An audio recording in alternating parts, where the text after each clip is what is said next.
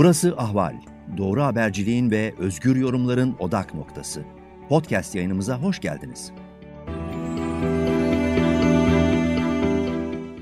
Merhaba sevgili dinleyiciler. Türkiye 9 Haziran kararları ile birlikte yeni bir güne uyandı. Hazine ve Maliye Bakanlığı tarafından akşam saatlerinde yapılan açıklamada ilerleyen zaman dilimi içerisinde Türkiye Ekonomi Programı kapsamında yeni bazı adımlar atılacağı ve bunların kamuoyuyla paylaşılacağı duyuruldu. Bunun üzerine piyasalarda ve ekonomi kulislerinde yoğun bir beklenti başladı.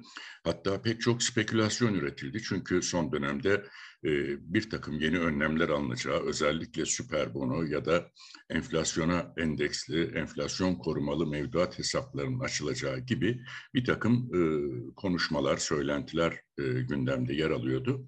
Cumhurbaşkanı Erdoğan daha önce hatırlayacaksınız Suriye ve Irak'a yönelik harekatlar için sürekli yinelediği bir söylem vardı. Bir gece ansızın gelebiliriz veya bir gece ansızın tepelerine binebiliriz diye. Bu defa 9 Haziran gece yarısına doğru gerçekten ekonomiye ansızın bir bindirme yapıldı. Hazine ve Maliye Bakanlığı, Bankacılık Düzenleme ve Denetleme Kurulu, Sermaye Piyasası Kurulu, Merkez Bankası gibi ekonomiyle ilgili kuruluşlardan peş peşe açıklamalar geldi.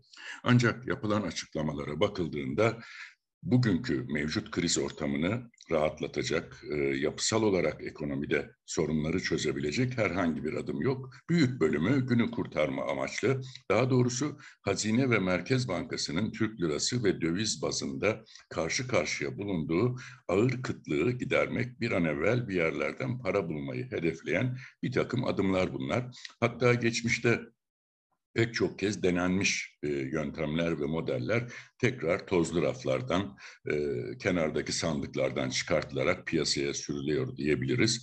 E, bir yandan da e, ekonomi kulislerinde açıklanan bu kararlar için 9 Haziran çaresizlik kararları yorumları yapılıyor. E, benim de değerlendirmem e, bir anlamda e, eski eşyaların saklandığı, naftalinlendiği sandıklardan çıkartılan yeni enstrümanlar, finansal enstrümanlarla adeta ekonomideki naftalin kokusu giderek artıyor. Çünkü e, geçtiğimiz yıl Aralık ayında yaşanan kur krizi sonrasında kur korumalı mevduat icat edilmişti. Oysa daha önce 1970'li yılların sonunda 80'li yılların başında dövize çevrilebilir mevduat hesapları adıyla e, bu benzer bir şekilde yürürlüğe konulmuştu ve bunun Türkiye'ye 20-25 yıla varan ağır bir faturası oldu. Özellikle yurt dışındaki vatandaşların gönderdikleri dövizler, bu hesaplara yatırdıkları dövizler yıllarca Türkiye için bir geri ödeme yükümlülüğü olarak ağır bir fatura çıkarttı Türkiye ekonomisinin önüne. Bunun yanı sıra e, ardından altın yastık altındaki altınların e, piyasaya çıkartılması için kabul günlerinde kadınların kendi aralarında yaptıkları altın günlerine benzer şekilde altın dönüşümlü mevduat hesabı e, uygulamaya sokuldu. Buradan da bir sonuç elde edilemedi ki şu anda kur korumalı mevduat hesabından e, tekrar dövize dönüşler başladığı için bazı bankalara ceza kesilmeye başlandı. Bankacılık Düzenleme ve Denetleme Kurulu bu konudaki hedefler konusunda bankaları ciddi bir şekilde sıkıştırıyor. Çünkü kurlardaki yükseliş kur korumalı mevduat hesaplarının cazibesini bir anlamda yok etti diyebiliriz. Diğer taraftan şimdi açıklanan önlemlerden en öne çıkanı gelire endeksli senet ihracı Hazine ve Maliye Bakanlığı bununla ilgili ayrıntıları 15 Haziran'da açıklayacağını ve talep toplayacağını duyurdu. Vatandaşlara, gerçek kişilere satılacak bu senetler ve bazı e, kamu iktisadi teşebbüslerinin karlı olanların e, karlarına ortak edilecek bu senetleri alanlar ve üçer ayda bir de kendilerine bir getiri ödenecek. Geçmişte bu denendi yine 1940'lı 50'li yıllarda tasarruf bonoları çıkartıldı. Arkasından başka hükümetler bunu denedi. Çiller hükümeti döneminde süper faizli bonolar çıkartıldı. Ama bunların hepsinin sonu büyük ölçüde ekonomiye ağır bedeller ve vatandaşın da hüsrana uğraması, parasının önemli ölçüde değerini kaybetmesiyle sonuçlanan düzenlemeler oldu.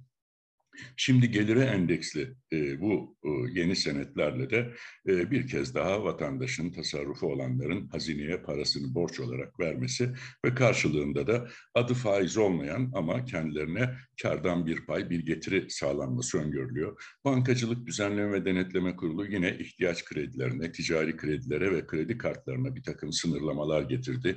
Asgari ödeme tutarlarını yükseltti. İhtiyaç kredilerinde vadeler kısaltıldı. 12 aya ve 24 aya düşürüldü. Sermaye Piyasası Kurulu ise e, halka arzlarda almış olduğu komisyonlarından vazgeçeceğini ilan etti. Daha doğrusu e, Türkiye'de yapılacak halka arzlarda eğer yabancı yatırımcılar da bu hisselere talip olursa bu sefer SPK yüzde doksana varan oranda komisyonlarında indirim yapacak. Bu da e, uzun bir süredir Türkiye'ye yabancı sermaye gelmiyor, yatırım sermayesi ve doğrudan e, sermaye girişleri olmuyor. Aksine bir kaçış söz konusuydu. Acaba buradan e, işte bir döviz geliri, bir döviz girişi olabilir mi diye kaldı ki Bankacılık Düzenleme ve Denetleme Kurulu'nun e, yabancı yatırımcılar için e, swap işlemlerini e, açmaya hazırlandığı yönünde açıklaması da var. Bu da hatırlayacaksınız 2018 krizinde özellikle yine bir e, döviz e, fırtınası yaşandığında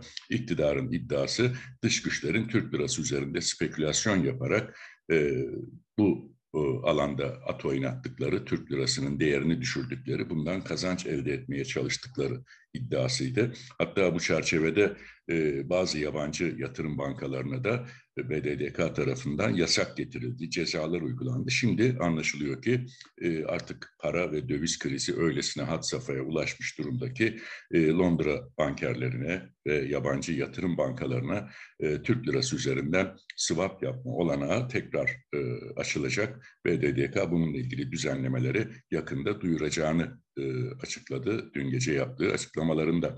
Evet bütün bu tedbirleri üst üste koyduğumuzda aslında ortaya bir çaresizlik tablosunun çıktığını görüyoruz. Çünkü bir taraftan e, kur korumalı mevduata ödenen kur farkı aslında faiz. Çünkü ilave olarak da buna banka bir faiz veriyor. Diğer taraftan gelire endeksli senet için e, sağlanacağı vaat edilen getiri gerçekte bir faiz. Diğer önlemlere baktığımızda kredi kartlarına, ihtiyaç kredilerine, ticari kredilere getirilen düzenlemeler yüzde ondan yüzde yirmiye ticari kredilerde muzam karşılık yükümlülüğü çıkartıldı. Bütün bunlar e, hem ticari kredi faizlerini hem kredi kartı faizlerini hem de ihtiyaç kredisi faizlerini yukarıya çekecek e, adımlar. Yani bir taraftan faiz indiriminden söz edilirken diğer taraftan faizleri çok daha büyük e, oranlarda artıracak adımlar atıldı. Bütün bunların e, neticesi e, iktidar faiz dememek için, faiz artırdık dememek için dolaylı yollardan attığı bu adımlarla gerçekte enflasyonla mücadeleyi doğrudan faiz artırarak, kurlardaki artışı doğrudan faiz artırarak önlemek mümkünken e, bir siyasi inat ve ısrar uğruna bu dolaylı yöntemler tercih ediliyor. Ancak e, bunların faturası Türkiye ekonomisine çok daha ağır olacak. Bunu da şimdiden söylemiş olalım. Ben Zülfikar Doğan, sizlere Türkiye gündemini yorumlamaya çalıştım. Yeni bir yayında tekrar birlikte olacağız. Hoşçakalın. Ahval podcastlerini tüm mobil telefonlarda Spotify, SoundCloud ve Spreaker üzerinden dinleyebilirsiniz. Apple iPhone kullanıcıları bize iTunes üzerinden de ulaşabilir. Türkiye'nin ve hayatın cıvıl cıvıl sesleri Ahval Podcast dizisinde. Kulağınız bizde olsun.